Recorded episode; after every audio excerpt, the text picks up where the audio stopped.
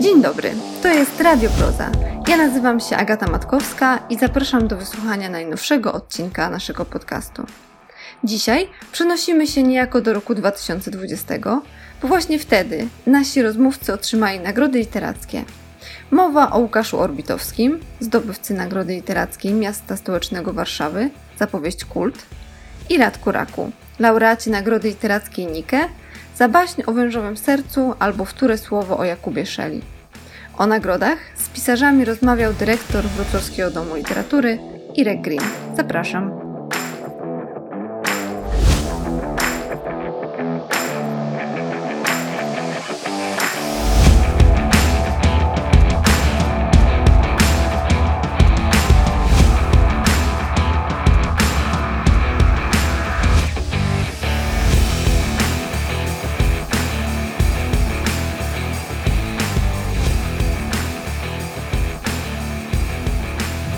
Dzień dobry Państwu z prozy Klubu Wrocławskiego Domu Literatury. Mm, Witamy Państwa bardzo serdecznie. Kłaniamy się nisko w drugiej odsłonie cyklu Salon Zdobywców.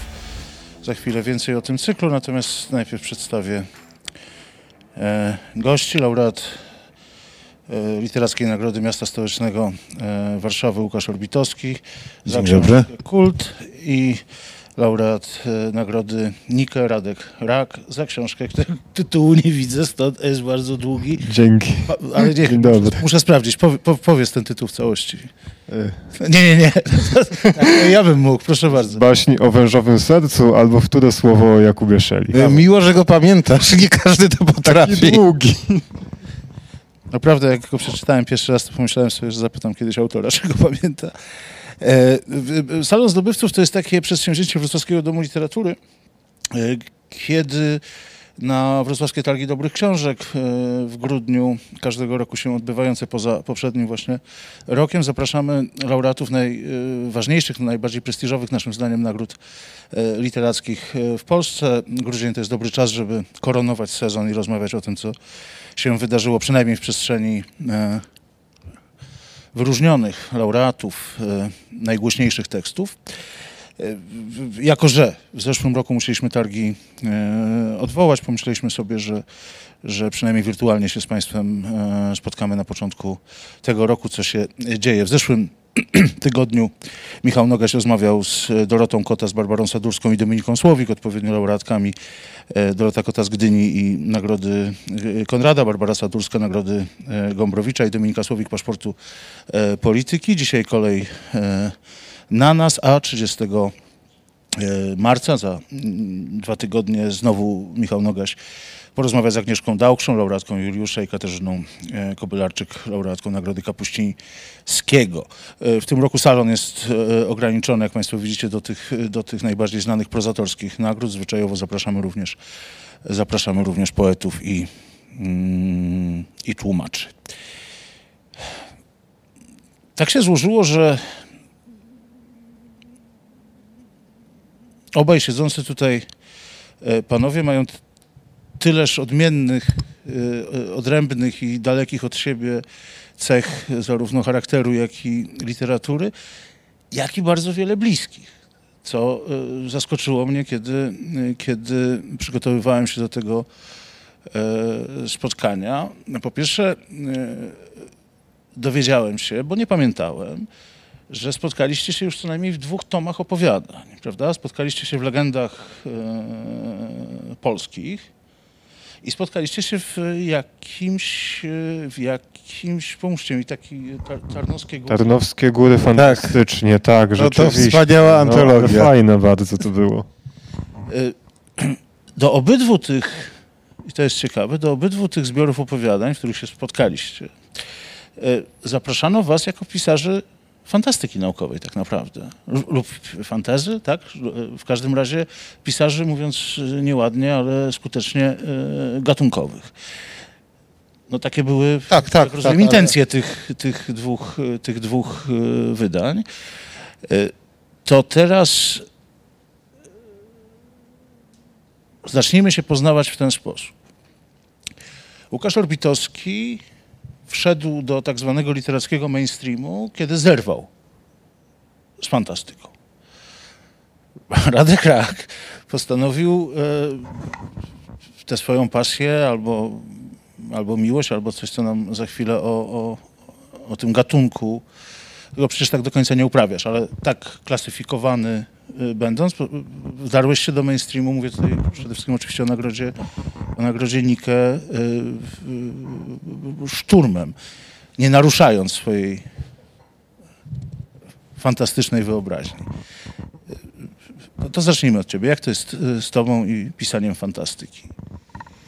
Mm, Ja, wydaje mi się, że ja zawsze, jak zawsze zrobiłem trochę na odwrót, bo ja się wychowywałem między innymi na książkach Łukasza.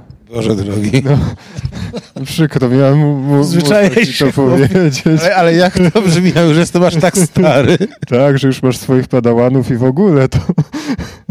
No niestety, to tak, tak to było. Był, był taki czas, kiedy e, w pierwszych latach tego wieku, że się pojawiło w polskiej fantastyce coś, co ja tak dla siebie nazywałem fantastyką poszukującą. To wtedy Jacek Dukaj pisał swoje największe powieści, e, Witrzostak zaczynał publikować, Łukasz zaczynał publikować, e, Ania Kańtoch pisała bardzo dużo fajnych rzeczy e, i ja w sumie chciałem być tak jak, jak ci ludzie, więc ja na początku napisałem taką fantastykę, która zerwała zupełnie z fantastyką i nikt się nie zorientował, że to była fantastyka.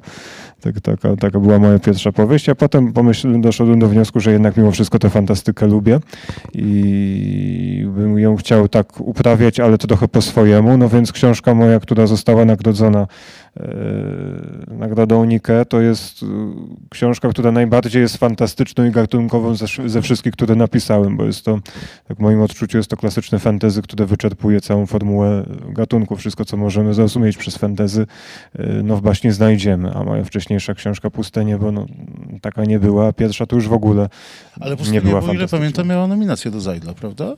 Miało nominację do Zajdla i dostało wyróżnienie w nagrodzie Jerzego Żuławskiego, która też jest, jest, jest nagrodą fantastyczną.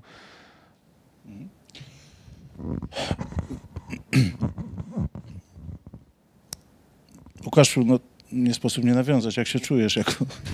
Słuchaj, ja się, e, znaczy, wiesz, no, ja się z jednej strony e, czuję miło, a z drugiej strony trochę, e, e, trochę dziwnie ze względu na e, e, e, dostrzegalny upływ lat. Ja się, e, wiesz, ja mam takie wspomnienie konwentowe, em, kiedy 20 lat temu e, zacząłem jeździć na konwenty, e, e, to tam byli autorzy, którzy wtedy i chyba dalej no, wiodą prym w polskiej fantastyce, nie wiem, Jarek Rzędowicz, Andrzej Ziemiański, paru innych.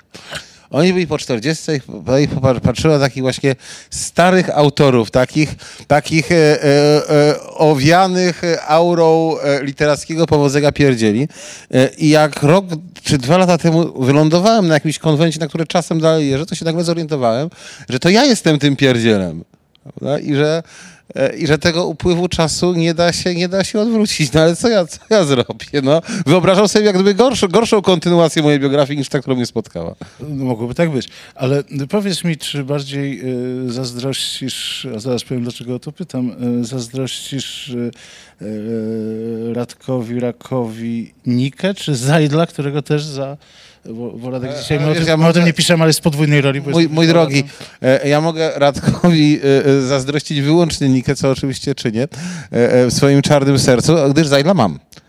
No ja ci przypomnę, jak dostałeś tego Zajdla. Tak, wiesz, no, to był Zajdel trochę lewy i, i, i psim swędem, ale, ale koniec końców jest. I, i, i, i- stoi na półeczce i spadł mi kiedyś na nogę. Także mogę zazdrościć tylko, e, tylko Nika. A z moim Zajdlem to oczywiście była kupa śmiechu. To jest inne. No to rzeczywiście tak było. No, proszę Państwa, to o tym, że Łukasz Orbitowski dostał Zajdla, dowiedzieliśmy się na tej scenie, e, kiedy wściekły nie pojechał na jakiś następny Polkon, bo stwierdził, że nig- nigdy mu już Zajdla nie dadzą i mamy na to dowody na piśmie, kiedy powiedział, wolałem przyjechać do Wrocławia i właśnie wtedy dowiedzieliśmy się, że dostałeś, Tak było. że dostałeś tego Zajdla. Ja się, ja się z tego nie mogę jakoś wizerunkowo wśród fantastów e, e, e, tego, tego odczynić, bo e, e, to moje nieodebranie Zajdla zostało odebrane jako jakiś gest, gest człowieka, który, do którego ta, ta nagroda nie ma znaczenia, a ma ogromne. No ale to już jak gdyby będę z tym, to jest kolejna rzecz, którą muszę, muszę nieść przez, przez, przez życie. E, Jeszcze dołożę, bo ta, ta książka e, dostała też śląkwę, prawda? Dla, dla najlepszego twórcy roku. Tak, w sensie to, to, to już tak jakby ja dostałem śląkwę. Mhm. mm, E, tak, tak. Twórca roku. To I, twórca. Mhm. e, no i książka też Nagrodę Nowej Fantastyki, która jest stosunkowo nową nagrodą, też, też otrzymała. Była też nominowana do Gdyni. Też była. I Nagrodę Żuławskiego jeszcze. Orbitowski, kiedy miałeś taki rok, żebyś miał... żebyś się chociaż zbliżył? No ja wiem, inna E, dusza mój nominowana do drogi, e, Nikę, no ale, Ale, ale polityki. słuchaj, no, e, to wiesz, jak słusznie zauważyłeś, jesteśmy w tej sytuacji, że możemy się paść nie sukcesami własnymi, ale tych, którzy na naszych plecach wyrośli. Znakomicie. Dobrze, to chwilę sobie o tych książkach porozmawiajmy. Wciąż w takiej trudnej sytuacji, kiedy mówimy, e, mówimy z, już z dużej perspektywy, Państwo w większości te książki czytaliście. Auto, autorów jest dwóch, zatem, zatem ciężko w- gdzieś bardzo głęboko i refleksyjnie wchodzić w te książki osobno, ale one jednak znajdują, jest, jest, jest dużo pól, na których można o nich rozmawiać wspólnie i to chciałbym, i to chciałbym teraz zacząć. E, Pomijając afiliacje gatunkowe lub ich odrzucenie, e, obydwaj panowie mieliście potrzebę beletryzowania historii. Są rzeczy, o których, są rzeczy, o których wiem, one się zdarzyły. E, W przypadku raka no to jest trudniejsze, no bo, bo to historia, która została opisana wielokrotnie i narosła e, przeróżnymi literackimi e, odniesieniami. No, w, w, w, wypadku e, Łukasza Orbitowskiego e, też nie tak bardzo prosto, bo to dla odmiany historia przerobiona gdzieś wielokrotnie reportażowo, dziennikarsko i na różne e, literackie sposoby bliskie literaturze faktu. E, To nie było tak. Teraz e, cofam się, przypominam sobie twoje e, 10 co najmniej, jeśli, jeśli nie 11 powieści, O nie, aż tylu ich nie ma. e, trzy powieści Radka Raka, to nie było tak, że zawsze e, czu- czuliście potrzebę beletryzowania konkretnego wydarzenia. E, Oczywiście zdarzało się bardzo często i konkretnie, że odnosiliście się do, do realiów, że, że sobie z nimi rozmawialiście literacko, natomiast w tych dwóch przypadkach mamy do czynienia z bardzo konkretnymi wydarzeniami.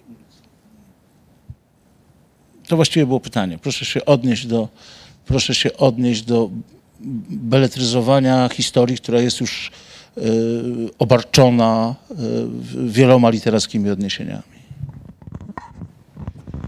Ja właściwie, kiedy zaczynałem pisać baśń o wężowym sercu, nie miałem świadomości, że ja w jakąś dyskusję z kimkolwiek wchodzę i że się e, odnoszę do wydarzenia, które zostało wielokroć opisane. A tytuł Wtóre słowo Jakubie Szeli to... Na początku to miał być po prostu baśń o wężowym sercu. Kiedy się zorientowałem, że w jaki sposób do poematu Jasińskiego się odnoszę, no to oczywiście wrzuciłem sobie ten podtytuł, no bo ładnie brzmiał i, i przez to tytuł jest o wiele fajniejszy moim zdaniem, bo taki długi jest i, i barokowy trochę.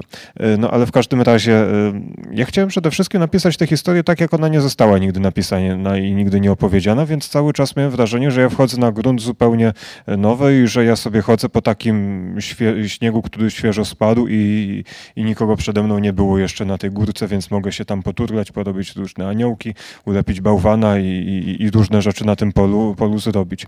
Bo tak naprawdę ta narracja, która jest przedstawiona w baśni o wężowym sercu, to jest to narracja chłopska, y, jest to narra- legenda o Jakubie Szeli, opisana z tej perspektywy, z której Szela nie był nigdy opisywany, y, a która była szczególnie bliska mi, no bo ja na początku się dowiedziałem właśnie o tej białej legendzie Szeli, z różnych dziadkowych opowieści. Ja miałem jeszcze ogromne szczęście, że się załapałem na samą końcówkę takiej tej y, kultury opowiadanej, mówionej, gdzie w długie zimowe wieczory do moich dziadków przychodzili sąsiedzi i opowiadali no głównie o tym, jak to było w czasie wojny, albo jak to było e, za komuny w stanie wojennym i ja siedziałem i, i słuchałem tego i chłonąłem. No i oczywiście gdzieś tam jakieś stare opowieści e, również się pojawiały, chociaż zdecydowanie rzadziej, bo to dotyczyło rzeczy takich bardzo, bardzo realnych przy ziemi, ale czasem też zdarzało się tak, że ktoś opowiadał rzeczy, które były po prostu bajkami. I gdzieś tam e, z, również, również rabacja się pojawiała, że ktoś tam kiedyś mówił, że pasowałoby jeszcze raz zrobić rabację, bo coś tam. To znaczy, to, było, to, była rzeczywistość, to była rzeczywistość wczesnych lat 90., gdzie mieszkałem w małym przemysłowym miasteczku, e, gdzie na zewnątrz... W Dębicy. W Dębicy, tak. E, gdzie wszystkie zakłady, które były, e, albo poupadały bardzo szybko, albo zostały wykupione, sprzedane komuś z zachodu i ludzie z dnia na dzień tracili pracę i to było tak, że pamiętam jednego dnia chyba jedna trzecia, mm, jedna trzecia miasta w ogóle straciła pracę. Blisko. I to była rzeczywistość. To znaczy, moi rodzice nie byli robotnikami, to była taka małomiasteczkowa inteligencja, więc myśmy tam trochę suchą stopą przeszli, ale to dotyczyło moich kolegów z podwórka, y, to do- dotyczyło moich kolegów no, z, z podstawówki, z przedszkola, znajomych moich rodziców i tak dalej. To była rzeczywistość, która mnie otaczała. No więc y, nie dziw się, że tutaj ktoś, y, ktoś takie, w takiej sytuacji pewne rewolucyjne nastroje odżywają i się nie ma co dziwić, bo, no bo to tak jest. I jeżeli sfunkcjonuje jakiś mit, wiesz, do którego ci ludzie są w stanie się odnieść, y, nawet jak to byli starsi ludzie w latach 90., emeryci, y, no to jednak ta, y, ta opowieść funkcjonowała. No bo już trochę daleko od tego odeszliśmy, no bo zaczęliśmy a skończyliśmy na tych latach 90., nieszczęsnych bardzo mocno. No nie, ale E, wyobrażam sobie, że to jest młody Radek Rach z rozpalonymi oczami, słuchający opowieści e, znajomych dziadka o tym, że znowu trzeba wyjść e, i, i, i pogonić panu. Nawet ja z rozpalonymi oczami słuchałem opowieści dziadka o Shelley, w których Shella był takim właśnie odpowiednikiem Robin Hooda, bo ja byłem strasznym fanboyem Robin Hooda, jak miałem tak 5-6 lat. I, I to był w ogóle mój idol i kiedy byłem pytany, kim chcę być jak dorosnę, to chciałem być zbójem w bandzie Robin Hooda oczywiście. Potem chciałem być paleontologiem, potem weterynarzem w wieku lat 8 tak, i tak mi już potem zostało, więc no, no, jakby zapytać moją mamę, to by powiedział, że ja się na tym etapie zatrzymałem. Więc, więc e, tak jednym zdaniem be, be, be, beletryzowanie opowieści o Shelley to e, e, głęboko zapamiętany, wyniesiony z domu z opowieści przy piecu w dalekiej, zimnej Dębicy. E, No, trauma Radka, Tam cie, trauma cie, Radka, ciepło było, akurat centralnego nam nie odłączyli nikomu. To... trauma Radka. A jak u ciebie z tym? E, Wiesz, ja mam e, takie mocne przekonanie, że ja nie, nie piszę o niczym znanym. Prawda? W, odróżnieniu od A to podobnie jak powiedział Radek, tak? Wsz- Wszedł, wszedł na czysty śnieg. Tak, tak. E, e, I wiesz, ja się przecież zająłem historią jakichś morderstw dziwnych z Bydgoszczy, co mi zresztą podsunął Sekielski, a potem już samodzielnie wybrałem Oławę, która może we Wrocławiu jeszcze jak gdyby wypadki e, na działkach historii Adamańskiego są jeszcze może tutaj znane, ale uwierz mi, że nikt o tym w Polsce nie pamięta i to nie było szeroko e, e, e, szeroko e, e, komentowane. Sam byłem zdziwiony, kiedy zabierałem, kiedy rozważałem w ogóle pisanie kultu, że, nikt się tym wcześniej nie zajął i wiesz, i E, Ja jakoś się przez to grzebanie e, w dziwnych historiach, w dziwnych przypadkach ludzi z najnowszej historii Polski, jakoś się, wiesz, zdefiniowałem na nowo, bo w odróżnieniu od Radka ja miałem straszny problem, jak tu nie być fantastą. Prawda? To znaczy, skoro już nie piszę horrorów, to ja teraz będę pisał orety. I cudownym y, zrządzeniem losu e, e, ktoś mi ten pomysł podsunął, Sekielski mi to podsunął, że, że można zrobić tak, żeby przeczytać jakąś historię i zrobić wariację na jej temat. Prawda? I okazało się, że to jest coś, w czym jestem dobry. Wiesz, i, i to jest chyba jakaś, jakaś droga, którą ja będę sobie dalej, e, dalej dreptał przy założeniu, że są to historie naprawdę, naprawdę zapomniane, które, e, e, e, które no, na odkrycie przez takiego misiaczka jak ja. Wiesz co, ja, ta oława, ona gdzieś w świadomości była, natomiast rzeczy, Była, ale została zapomniana. tak, ale rzeczywiście została... Wiesz, gdyby to było, ja, ja bym w życiu wiesz, nie pisał historii Domańskiego, gdyby na przykład była duża e, książka reporterska na ten temat. E, albo gdyby był film dokumentalny, gdyby po prostu jak gdyby to już zostało, e, zostało o, o, opowiedziane, a ponieważ nie opowiedział tego reporter, opowiedział to prozaik. I, i, i, I moja następna książka też jak gdyby będzie zbudowana w, w, w, wedle tego schematu, a potem to już nie wiem, bo może będzie trzeba znowu czegoś czegoś poszukać, żeby za bardzo nie siedzieć w jednej, e, w jednej no, skórze. No, p- wpisz fantasy, to masz szansę na Nikę. Ale, ale mi, się, mi, się, mi się marzy, słuchaj, mi się marzy e, napisanie takiego horroru o potworach, wiesz, i mam go ułożonego w głowie i wiesz, myślę sobie, że może, kurde, nie powieść, ale jakieś takie, wiesz, słuchowisko duże, nowelka, żeby y, y, y, przypomnieć sobie, jakie to było, jak było to fajnie y, kiedyś pisać po prostu historię o duchach i, i, i strasznych złych miejscach. Pom- Pomówmy o następnej rzeczy, która te książki be- bez wątpienia e, łączy. E, W laudacji e, po- nagrodzie Nikę profesor Paweł Pruchniak nazwał baśń o Wyżowym Sercu klechdą. I to jest o tyle interesujące, gdyż profesor Paweł Pruchniak bardzo waży słowa i uważa na to, e, co komunikuje, że klechda spośród tych wszystkich rzeczy, które moglibyśmy e, włożyć w ten, ten ogromny wór gatunkowy, jakim jest baśń, bajka i tak dalej, i tak dalej, i tak dalej, e, ma jednak słownikowo ten wyraźny akcent odwołania do prawdy, do prawdy historycznej. I ja kiedy zastanawiałem się nad waszymi książkami, to uznałem, że klechdarzem, czyli tym, kto, kto opowiada klechdy, jest jednak bardziej, e, bardziej orbitowski. E, A potem zacząłem myśleć tak. Jako znakomici, ale już osobni i o wyrobionym języku i bardzo świadomi tego, co, co, co robicie e, pisarze, budujecie te książki wedle takiego klucza. Radek Rak pisze z literatury, Łukasz Orbitowski pisze z życia. I to, to jest oczywiście duże uproszczenie, ale wejdźmy w nie bardziej. Wszystko w tej książce jest literaturą z literatury. Począwszy od tytułu, gdzie już nie tylko odniesienie do konkretnego gatunku, czyli baśni, ale również do poematu e, e, Jasińskiego. E, A później im, im, im uważniej się to czyta, to złożenie tak ogromnej liczby cytatów, odniesień, ukłonów, kłótni z, z różnymi pisarzami budzi ogromne wrażenie. Ja nawet miałem w, w pewnym momencie w czasie lektury takie, taki moment, cholera jasna, młody człowiek, kiedy on zdążył to wszystko e, przeczytać. E, e, Zanim zapytam o życie, to czy ty masz świadomość, jak bardzo utkałeś tę, no oczywiście wyśmienitą powieść, ale jak bardzo utkałeś ją z istniejącej już tkanki literackiej, jak, jak, jak, jak uważnie, kulturowo ją sobie przemyślałeś? To nie jest tak, że ja siedziałem jak pająk, pająk w sieci i sobie tam tkałem różne rzeczy. Oczywiście miałem świadomość tego, że ja strasznie dużo różnych nawiązań wrzucam na różnych poziomach do tej powieści. Od takiej ogólnej konstrukcji, e, przez jakieś takie mm, nawiązania, które są e, antytezą. No tak, tak na przykład cała powieść jest e, trochę dyskusją z poematem Jasińskiego, bo tam wszystko to jest Jasiński, tylko że na odwrót zupełnie. Do jakichś takich rzeczy, które są zupełną ornamentyką, jak jakieś takie nawiązania, nie wiem, że Błękitni Czarodzieje z Tolkiena w Beskidzie Niskim, to to jest ornamentyka oczywiście. E, Ja bardzo, od dziecka bardzo lubiłem Terego Pratchetta którego twórczość cała jest jednym wielkim cytatem.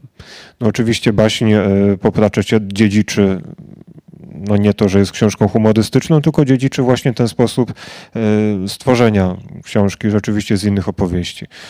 Zresztą tutaj no, jeżeli, jeżeli, jeżeli idzie o to, jak, jak to no to trochę, trochę rzeczy też wyszło na pewno nieświadomie, no bo to tego się nie uniknie. Podejrzewam, że większość wyszła nawet nieświadomie niż, niż świadomie. Potem ktoś, moja żona czy, czy osoby, które czytają książkę na początku, mi wynajdowały takie rzeczy, o których ja w ogóle nie byłem świadomy tego, że je wrzuciłem, ale potem sobie uzmysłowiłem, że tak, że, że, że rzeczywiście tak jest. No. To nie jest zarzut, broń Boże, bo, bo, bo jednak ja wcześniej wyraźnie przedstawiłem was jako bardzo samoświadomych tego, e, tego co robicie i uważam, że rozłożenie akcentów, e, m, czy to cytatu, czy parafrazy, czy, czy, czy kłótni właśnie z jakimś e, tekstem literackim jest tu zrobione znakomicie. Zwłaszcza, że jednak osią tej książki jest, e, jest jednak trochę osobiste doświadczenie i taka wewnętrzna niezgoda na pewne rzeczy, a opowieść jest e, na tym szkielecie dopiero, dopiero oparta. I tutaj osią raczej, e, raczej nie jest e, nawiązanie do czegokolwiek, nawet do tego Jasińskiego, e, który nie jest taki mimo wszystko autorem pierwszym tej, tej, tej, tej, tej, tej książki z różnymi jej warstwami, do nawią- nawiązaniami i tak dalej. Tylko, tylko, że jest to jednak, no, no, kumpel mi powiedział, że napisałem książkę o latach 90. i o naszej szkole. To na początku powiedziałem, że gada głupoty, tylko innymi, innymi słowami trochę, ale potem jak sobie przemyślałem, no to rzeczywiście coś w tym chyba jednak było. Ale powiedziałeś, powiedziałeś przed chwilą wewnętrzna niezgoda. To, to, to ciekawe. Mógłbyś rozwinąć? Do- W stosunku do czego jest ta wewnętrzna niezgoda? No to, to nie, no to strasznie Ale dużo rzeczy... autorską au- niezgodę, au- nie- Nie, jest bardzo dużo rzeczy takich autobiograficznych musiałbym tutaj wyciągać, co nie wiem, czy mam, czy, czy, czy, czy mam na to specjalną och- ochotę, no bo jednak pewne doświadczenia, Ochoty które możesz nie są- mieć, ale masz no. zobowiązania wobec państwa, którzy nas słuchają. E, no, Dobrze wiem, jak to jest, jak się jest takim człowiekiem, który nic nie może.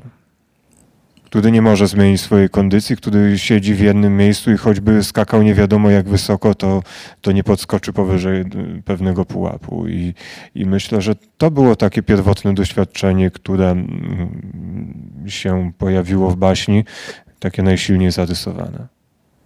Mhm. To ja jeszcze pozwolę sobie do tego wrócić, ale e, na chwilę zapytam, przez chwilę zapytam Łukasza o jego pisanie z życia. To znaczy, ja, ja pamiętam, że ty dokonałeś gigantycznej kwerendy, jeśli chodzi o, o, o kult. E, w sensie mm, archiwaliów, no, wszystkiego tego, co, co, co było niezbędne.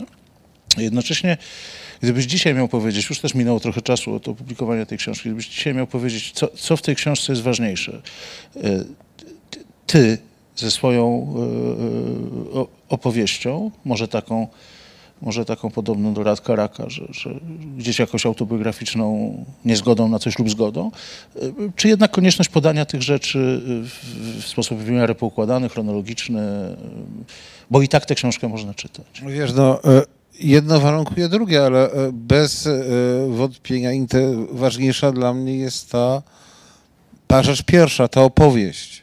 Prawda? To, no bo wiesz, wydawca, e, wydawca szumnie napisał, że to jest opowieść o nas samych i wiesz, ja zawsze To się zawsze, o, o nas samych, albo to jest e, książka, którą równie dobrze moglibyśmy nazwać Nadzieja.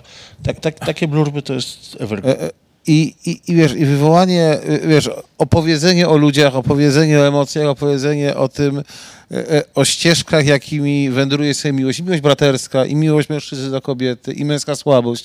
I te wszystkie rzeczy, to jest, to było dla mnie ważne i to mnie, wiesz, w tej książce kręciło. Natomiast, żeby to oddać, to ja muszę mieć porządek. Prawda? Muszę mieć tę konstrukcję fabularną, która w, kulcie może nie jest skomplikowana, ale jest bardzo stabilna. Tam masz punkt po punkcie, jedno wydarzenie wynika z drugiego. E, I muszę, muszę mieć ba, bardzo dobrze oddane mm, tę, tę warstwę faktograficzną e, z tego względu, że jak gdyby z tego mięsa, z tej rzeczywistości wyrastają rzeczywiste losy bohaterów, tak jak my wyrastamy jesteśmy dzięki światu, który nas stworzył, prawda? Radek z Dębicy, ja z tego krakowskiego Kazimierza, ty e, skądś tam też na pewno, nie pamiętam, nie zna, za, zapomniałem, jakie, jaki piękny zakątek e, świata wydał cię, drogi Ireneuszu, bo wiesz, bo e, e, odwołując się, odwołując się do kultu, który tak naprawdę jest historią upadku e, e, małomiasteczkowego Lovelasa. E, tego rodzaju upadek nie byłby na przykład możliwy w dużej społeczności. Bo, bo jego jak gdyby e, e, różnego rodzaju łajdactwa e, by się rozmyły w większym mieście, a w mniejszym został e, by szybciej przyuważony. Więc stąd ta powiatowa, dzisiaj powiedzielibyśmy Oława. Nie tak samo ten fenomen religijny, te, te, te działki, ci pielgrzymi też małe miasto, raczej nieduże, e, o, określonym położeniu komunikacyjnym. To wszystko jest bardzo, bardzo ważne i wiesz, dopiero jak ja odrobię tę lekcję związaną ze zrozumieniem czasu, ze zrozumieniem miejsca, to ja mogę się, wiesz, fantazjować o emocjach ludzi, których powołałem do życia. Dla odmiany w laudacji, jeśli idzie o, o nagrodę miasta, literacką nagrodę miasta stołecznego Warszawy, tam e, e, głos krytyka, którego tak bardzo nie cenię, że nie wymienię jego nazwiska, ale ten, ten, ten głos był taki, Jezu, ja chyba wiem, o kogo chodzi. A ja się domyślam. ten, ten głos był taki, że ty tak naprawdę w, paradok- paradoksalnie wydawałoby się pozornie walcząc z tą maryjną ludowością, ludo, lu- ludową, e, ludowym katolicyzmem polskim, tak naprawdę jednak zmierzasz ku, pra- ku prawdzie, bo mówisz o... Ale ja myślę, że to ten redaktor bardzo chciał tak to przeczytać. E, tak, to była laudacja z tezą. Tak, e, wiesz, e, e, e, znaczy przede wszystkim, e, wiesz, ja bym ni- nigdy nie pisał książki, która jest anty-czemuś, ani pro-czemuś, to znaczy w odróżnieniu od laudacji moja książka nie jest tezą. Prawda? Bo nasze próbuje pisać o życiu, a nasze życia nie są z tezą, chyba że ktoś jest kurde wariatem. E, e, a, ale, ale, ale wiesz, e, z drugiej strony można, ja dopuszczam interpretację kultu jako książki po pierwsze bardzo antykościelnej, gdyż ona przecież wykazuje, zgodne zresztą prawdą draństwa Kościoła w stosunku do osoby, do, objawień ławskich. Prawda? To jest raz. A ja jestem wielkim przyjacielem szczerych serc. I tego e, e, e, momentu, w którym ludzie e, kierują, się, kierują się nie koniunkturą, ale jakimś poczuciem dobra. Prawda? I w ramach tego ja jakoś mogę, nie, nie- będę się, wiesz, e, krytykował i atakował tak zwanej ludowej pobożności, ponieważ tak jak wiesz, możemy i e, e, powinniśmy piętnować księży, którzy, których działania są coraz szerzej znane w, w ogólnym wymiarze, tak no trudno się złościć na babcię, która klepie zerłaczki. prawda? To są dwie różne, dwie różne sprawy i na, na, na draństwo się będę e, e, e, zawsze złościł, a na modlitywne skupienie już niekoniecznie. Okej. To, to jest y, to, co powiedziałeś teraz. Ja szukając słów, które łączą e, słów kluczy, ale pojęć i jakieś, jakiegoś, e, jakichś własnych, własnych lekturowych doświadczeń e, waszych obu książek, zna, znalazłem troszkę, troszkę takich pojęć, które można by rozwijać. W, no, gawenda ma się rozumieć, bo obydwaj robicie to w takiej formie mm, gawędziarskiej, gawędowej, klechdowej, to już sobie powiedzieliśmy. E, w- w- Baśń ludowa i w formie komunikatu również wieść gminna byłaby, byłaby także pojęciami, które da się obronić przy obu tych, m, tych książkach. Ale jest jeszcze jedno pojęcie, które mnie najbardziej e, m, zaciekawiło i ty o nim w tej chwili trochę powiedziałeś. To jest tajemnica cudu. Gdybyśmy się zastanowili nad takim związkiem frazologicznym w języku polskim, co to oznacza tajemnica, e, tajemnica cudu, to, to, to zostało zarezerwowane w całości y, w, dla języka właśnie ludowej liturgii. Tak? To tam chwalimy tajemnicę cudu i niekoniecznie musimy sobie zadawać pytanie, co, e, co ona oznacza. W powieści e, baśń o wężowym sercu e, tajemnic cudów mamy co niemiara. W każdym rozdziale mamy następną tajemnicę cudu. Czy ty poza, po, poza opisem bajania, czy bajaniem o tamtych, o tamtych czasach, ty sobie w, na przykład w e, scenach darowania serca albo w innych scenach cudownych, kiedy, e, kiedy na przykład Jakub Szela spędza zimę e, z wężami, czy ty sobie pytanie o tajemnicy cudu zadawałeś, czy też nie było do, do niczego potrzebne ci, do niczego nie była potrzebna ci metafizyka ludowa? Mm, Ja do cudu jako takiego to mam bardzo duży dystans i nigdy cudom y, nie ufałem. Natomiast y, mnie bardzo interesują wewnętrzne drogi ludzi yy, i to, jak my powtarzamy pewne mityczne historie. W zeszłym roku na przykład prawie cały rok spędziłem z Józefem i jego braćmi Tomasza Mana i to była wspaniała przygoda, jedna z fajniejszych w ogóle przygód literackich, które miałem w życiu. Yy, A baśń o wężowym sercu jest książką metafizyczną, bo cała tak naprawdę historia yy, Shelley i jego antagonisty, Wiktoryna Bogusza, się sprowadza do tego, że yy, że obserwujemy drogę wewnętrzną jednego i drugiego. To znaczy e, drogę tak naprawdę ku odkupieniu i drogę ku takiemu zupełnemu zaparciu się siebie i, i no przecież jeden ponosi zupełną klęskę i to nawet nie tylko na takim poziomie zwykłym ziemskim, tylko on, on ponosi tę klęskę na takim całym, no on w ogóle przegrywa samego siebie, e, przegrywa swoje życie, przegrywa swoją duszę. E, I, I drugi z tych bohaterów, no jednak mimo, że jego droga jest kręta i, i, y, i zagmatwana, to mimo wszystko dostępuje w ostatnich, e, w ostatnich e, tak naprawdę akapitach e, odkupienia, które przychodzi dla niego z zewnątrz. Prawda? To nie jest jego własna zasługa, że on sobie coś, coś, coś wywalczy. On mógł, się, on mógł jedynie być gotowy na coś, co zostaje mu dane. Więc w tym sensie ja bym tutaj się rzeczywiście no, y, y, jakieś tam chrześcijańskie metafizyki mógł dopatrywać. Jednocześnie jest to książka, która jest głęboko pogańska, sięgająca do takich mitów, którymi, y, które mnie zawsze fascynowały. Do cała ta legenda o królu węży, który drzemie pod Beskidem i ma się poduszyć na koniec czasu. To było też coś, co mnie zawsze fascynowało, fascynował ten obraz. A poza tym, jeżeli chcesz znaleźć tak naprawdę coś, co jest pogańską słowiańszczyzną, to najlepsze miejsce, gdzie to znajdziesz, to będą ludowe właśnie pieśni religijne.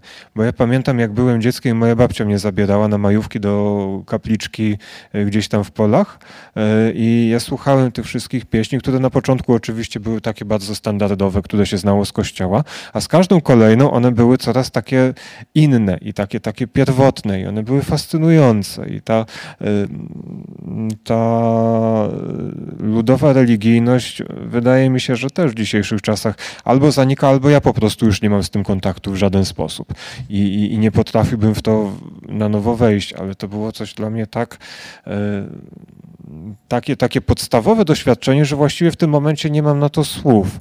Y, I to jest taka książka, gdzie ta wizja świata chrześcijańska, pogańska, one sobie koegzystują razem i, y, i sobie w zupełności nie przeszkadzają. To są dwie zupełnie rzeczywistości siedzące na jednym obszarze. Radek Rak przyznał się do tego, że wychował się między innymi, jak sądzę, na e, między innymi, w sensie sądzę, że między innymi na Orbitowskim. E, A Orbitowski o raku w grudniu 2019 roku mówił tak i o tej książce, o baśni o wężowym sercu. Piękna książka, tytuł nie kłamie. Jest to rzeczywiście baśń o rabacji galicyjskiej opowiedziana przez zdys- zdystansowanego już do swojej wyobraźni fantastę, który ukradł język Leśmianowi. I teraz ja bym musiał się do tych dwóch ostatnich, a później jeszcze dodajesz, piękna książka, wspaniała. Musiałbym się odnieść do tych ostatnich dwóch e, elementów, bo obie, oba mnie fascynują. I ciebie zapytam, Łukaszu, co to znaczy być kto to jest zdystansowany już do swojej wyobraźni fantasta, bo to niezwykle ujmujące. E, Wiesz, ty mnie e, e, łapiesz za słówka, które splątałem dwa lata temu. No nie, ale one są. znaczy, ja rozumiem, że nie pamiętasz, że to powiedziałeś. Ja ci zadaję Ale, ja, ja, dalej tak ćwiczenie z intelektu. Bo o co, no to wiesz, ale takie rzeczy się zawsze odpa- układa na nowo w jakiejś spo- spontanicznej sytuacji jak ta. I jeżeli mogę odpamiętać, o co mi chodziło, to o to, że moje doświadczenie jako fantasty i o doświadczenie wielu autorów, których znałem, polegało mniej więcej na tym, że porywały nas pomysły. W tym sensie, że ja wpadałem na jakiś pomysł, e, wymyślałem, na, e, wymyślałem pierwszy, lepszy sposób, jaki można, w, jaki, w jaki można by ten sposób literacko zrealizować i heja, jedziemy. Tak się pisało kiedyś, tak pisało bardzo wielu autorów związanych z fabryką słów, także ze względu na e, e, tempo wydawnicze, jakie musieli utrzymywać, prawda? Mamy pomysł, wymyślamy, jak go zrobić, heja, piszemy. A e, miałem wrażenie, że e, e, e, znaczy mam pewność, że e, e, baśń jest książką wynikłą z głębokiego namysłu i z głębokiej refleksji i, wiesz, z dopasowywania pomysłu, zważenia pomysłu, zboksowania się z własną wyobraźnią, dostrajania tej wyobraźni, ćwiczenia jej i tak dalej. To jest ta i, stąd może ten dystans, że my, że ten zdystansowany fantasta, który wie, że nie wszystkie porywy fantazji, które wydają mu się piękne, są pięknymi w istocie, a już na pewno niekoniecznie muszą pasować jedno, jedne przy drugim ułożone, ułożone w książce. Mniej więcej o to, o to mi chodziło. Nie, to jest, to jest niezwykle celne i y, polecam Ci, Radku, zapamiętanie, że jesteś zdystansowanym już do swojej wyobraźni fantastą, Będę miał to na uwadze. bo to naprawdę fajne. Ale druga część tego zdania i prośba o jego rozwinięcie jest właśnie do Ciebie. Który ukradł język Leśmianowi? Jestem strasznym złodziejem, jak kradnę skąd tylko mogę. E, I, I no oczywiście Leśmian, z Leśmianem ja się zetknąłem, no tak jak wszyscy w szkole średniej E, i to była jedna z niewielu rzeczy, z którymi się zetknąłem na lekcji języka polskiego, które mnie autentycznie pochłonęły i zafascynowały i potem e, co jakiś czas do tego Leśmiana wracałem i, i się wgryzałem w, te, w to jego słowo, które było dla mnie ta taka czarna zieloność pulsująca, to było coś tak fascynującego, że, e, że to jest chyba, rzeczywiście Leśmian był jednym z takich twórców, którzy na mnie mm, wrażenie wywarli głębokie, nie tylko językowe. E, Ja mam nadzieję, że mnie się już e, uda w kolejnych książkach zupełnie odciąć od, od starych mistrzów, od Szulca, od Leśmiana, tak jak mi się udało bardzo wcześnie odciąć od Tolkiena, bo oczywiście zanim napisałem cokolwiek sensownego, napisałem kilkaset stron zupełnie bezsensownych albo pa- kilka tysięcy E, i, i to sobie gdzieś tam siedzi w szufladzie. E, Na przykład napisałem Picką sagę o krasnoludach w, w liceum. I, Za 10 lat będziesz, mój, mój młody kolego, będziesz wracał do tych krasnoludów i myślał, jak będzie byłoby fajnie o nich pisać. E, No i no, no pewnie, pewnie tak. Tę drogę u Ciebie już widać, bo o ile, o ile nie wahałbym się z leśmianowskimi porównaniami przy Pustym Niebie, przy poprzedniej książce, o tyle tutaj one są już... y, One Bardziej, są już... bardziej takie stonowane, a mam nadzieję, że w kolejne rzeczy już będą zupełnie niewidoczne, to znaczy, że one sobie zejdą do podziemia. To znaczy ci mistrzowie, którzy byli dla mnie rzeczywiście ważni i istotni, czy to byli wielcy twórcy literatury, czy, czy mniej wielcy, e, oni są w moich książkach obecni. Ja na przykład wiem, że w mojej książce jest obecny Terry Pratchett, właśnie ze względu przez tę mnogość nawiązań.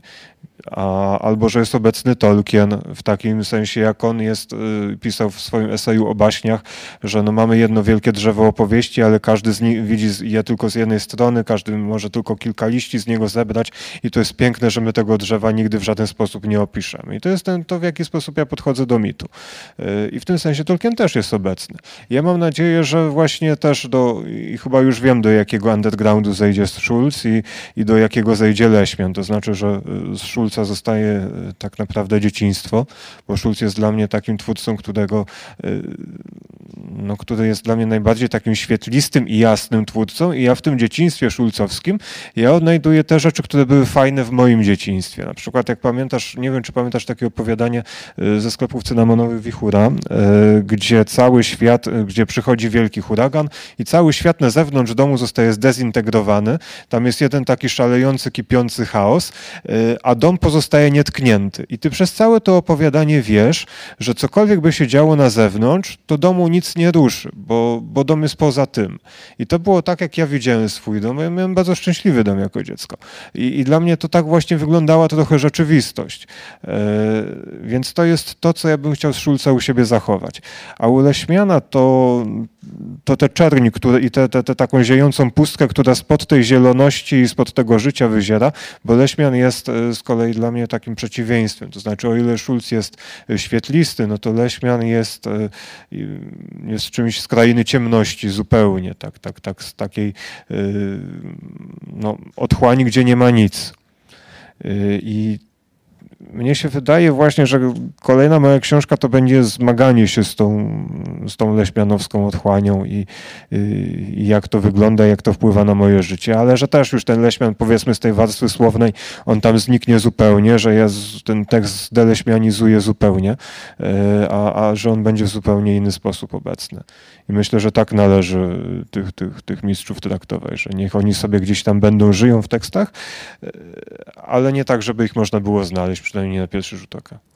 Łukasz, a y, y, jak tak myślę sobie teraz, kiedy Radek opowiada, o twoich mistrzach typu King, King i, i Masterton i, i doszukuję się ich w kulcie.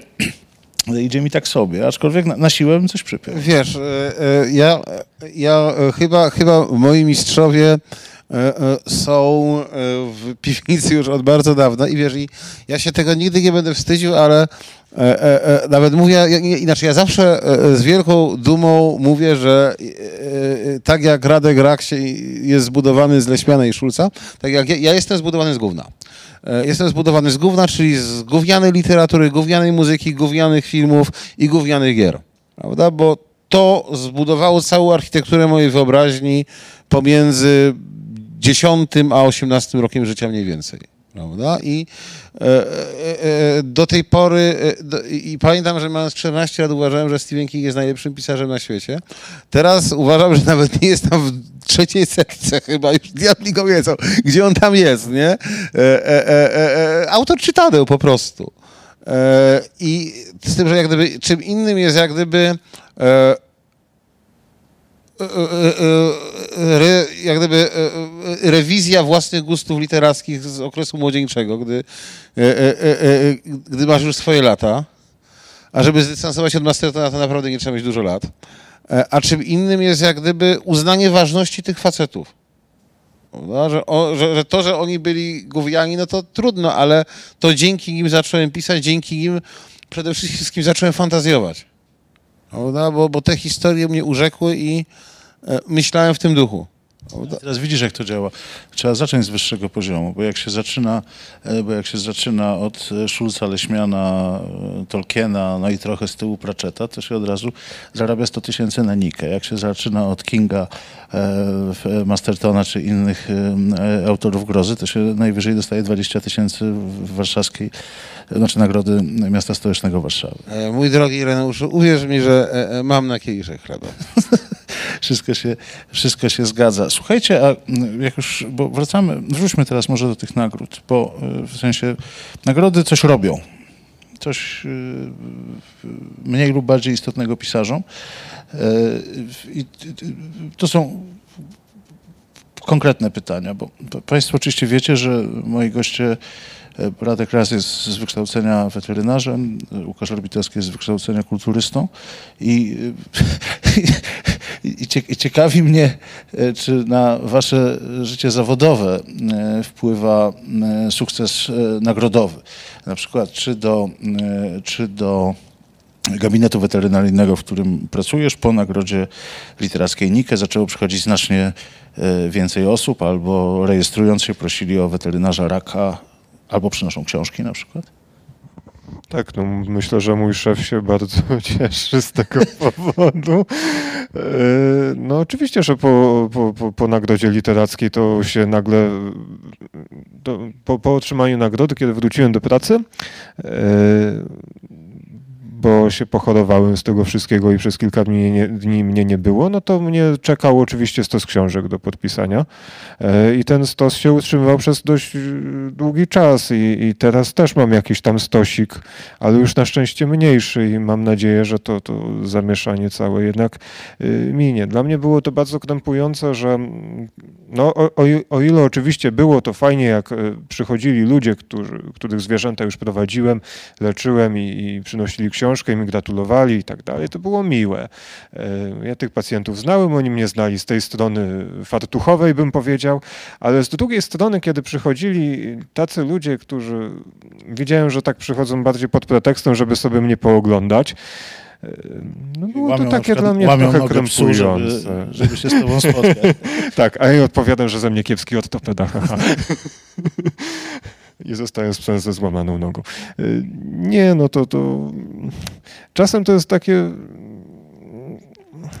No trochę krępujące. No, to jest zupełnie inaczej, jest, to jest zupełnie inaczej, kiedy mam fartuch na sobie, a zupełnie inaczej, kiedy ten fartuch odwieszam i nawet e, sposób myślenia mi się jakoś tak pstryka pomiędzy taką, takim zimnym racjonalizmem, a, a jakimś takim myśleniem bardziej kreatywnym. To to jest aż, aż czasem bardzo dziwne, ile różnych rodzajów myślenia może siedzieć w jednej głowie, jak sobie to uświadomisz. E, No ale tak, no, no podpisałem na masę książek przychodni. No. A, a już w ogóle najfajniejsze było, jak e, tuż po nagrodzie y, miał być TVN u mnie w pracy i, i w ogóle... Widzieliśmy. No, ja też widziałem. Znaczy, nie nie mam telewizji. wiedziałem, bo nie mam Ale na pewno telewizji. było fajnie. ale ze mną rozmawiali, więc chyba byłem. Y, To jedna pani, która ma 30 kotków, pomyliła sobie dzień i przychodzi, przyszła taka y, umalowana i przygotowana i krążyła wokół przychodni już dzień wcześniej. Natomiast tak szczerze mówiąc, przy całej sympatii do tej osoby, to jednak nie do końca bym chciał, żeby to ją złapał TVN. A, ale na pewno by było dużo tematów do opowiadania, ale to tak, tak przy innej okoliczności. Pozdrawiamy panią.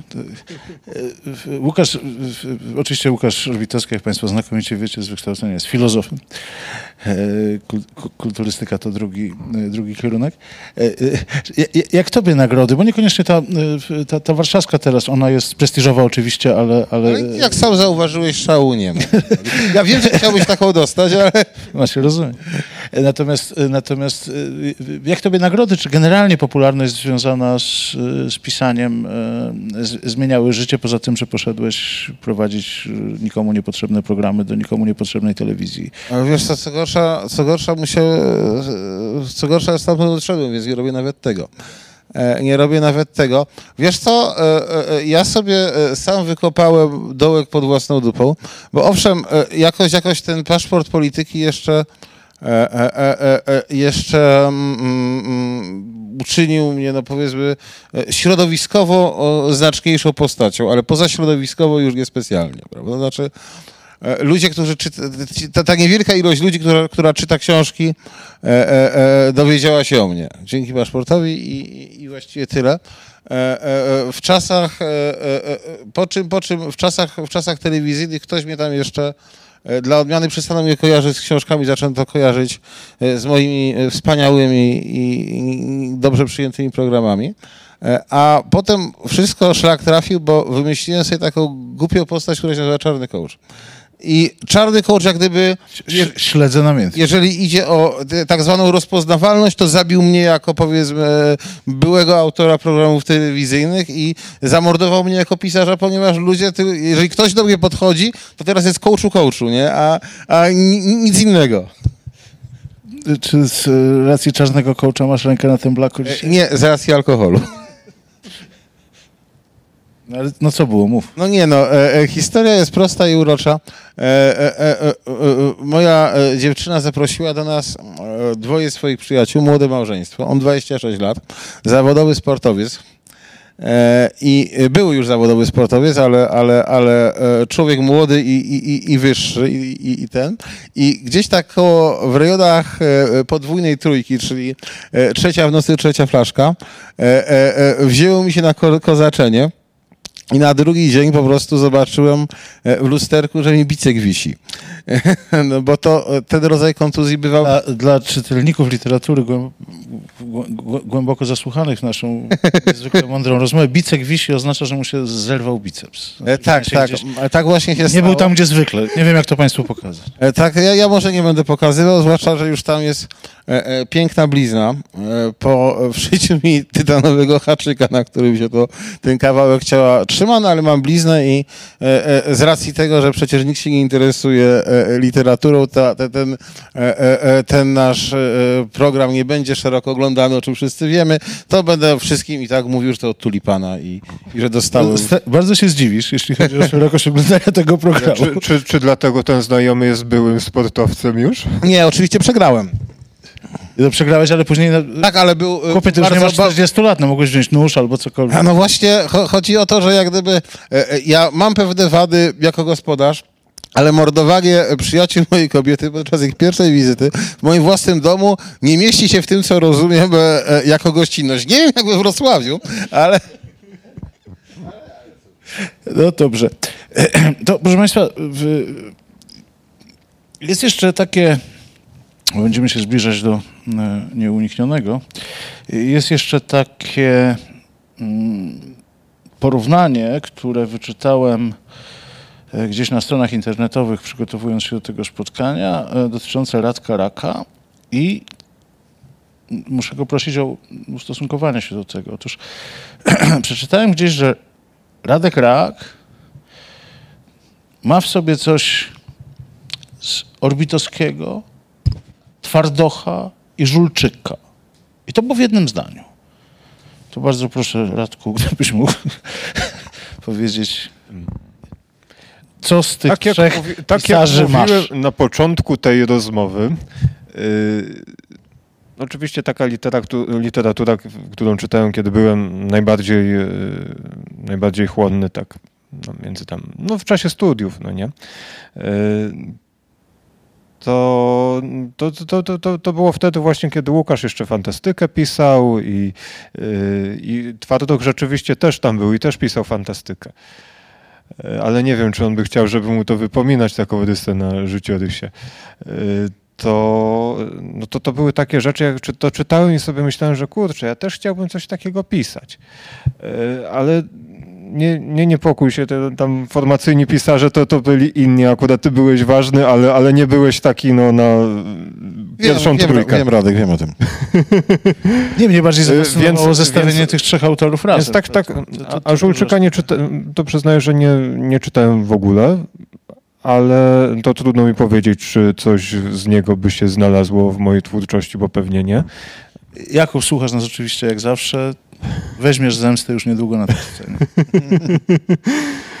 E, I tak świadomie, e, czy coś czerpałem, no podejrzewam, że, że nie. No tak jak sobie teraz myślę o tej książce, to rzeczywiście może główny, e, główny, główny zły w baśni, czyli Wiktoryn Bogusz, może coś tam czerpie z twardochowych bohaterów. Może ta cała e, twardość świata jednocześnie z wiarą, że ludzie są dobrzy, to jest coś, co, co, co, co, co jest Łukaszowe. Myślę, że to A ja myślałem, że, Twoi ludzie nie są na, tak naprawdę paskudni, wiesz, ty masz ogromną wiarę w tych ludzi. a ja myślałem, że po prostu odpowiesz, że jak ja mieszkasz w Krakowie, masz brodę jak żulczyk i auto jak twardoch. Chciałbym mieć auto jak twardo, ale spoko. Zostaje ci, zostaje ci broda jak żulczyk i miejsce zamieszkania jak, i miejsce zamieszkania jak... Słuchajcie, e, macie do siebie jakieś pytania? Na przykład? A nie wiem, Radek, czytałeś Król? Miałeś, miałeś przyjść z kotami. Miałem przyjść z kotami, ale ur urwałem sobie rękę. To wiele tłumaczy. Czyli mieli, mielibyśmy... A, a koty ciężkie, więc ja je muszę, musiałbym je sam nieść. No dobrze, to, to, no to tak, proszę Państwa. E, W drugiej odsłonie Salonu Zdobywców naszymi gośćmi był Klechdarz Orbitowski, Bajdała Rak, chociaż w Krakowie pewnie powiedzielibyśmy Bajok.